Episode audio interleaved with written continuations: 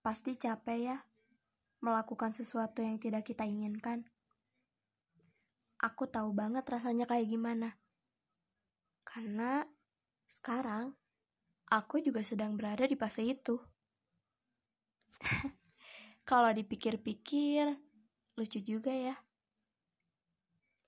Hobiku A. Cita-citaku B. Dan pekerjaanku C.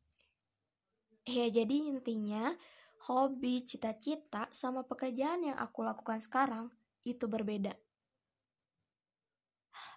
Hidup penuh misteri memang.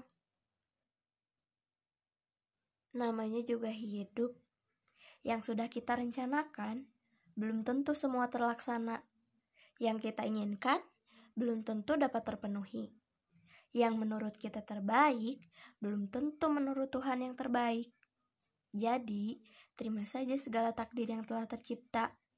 Jangan ngeluh, sebab Tuhan lebih tahu apa yang baik untuk kita dan apa yang tidak.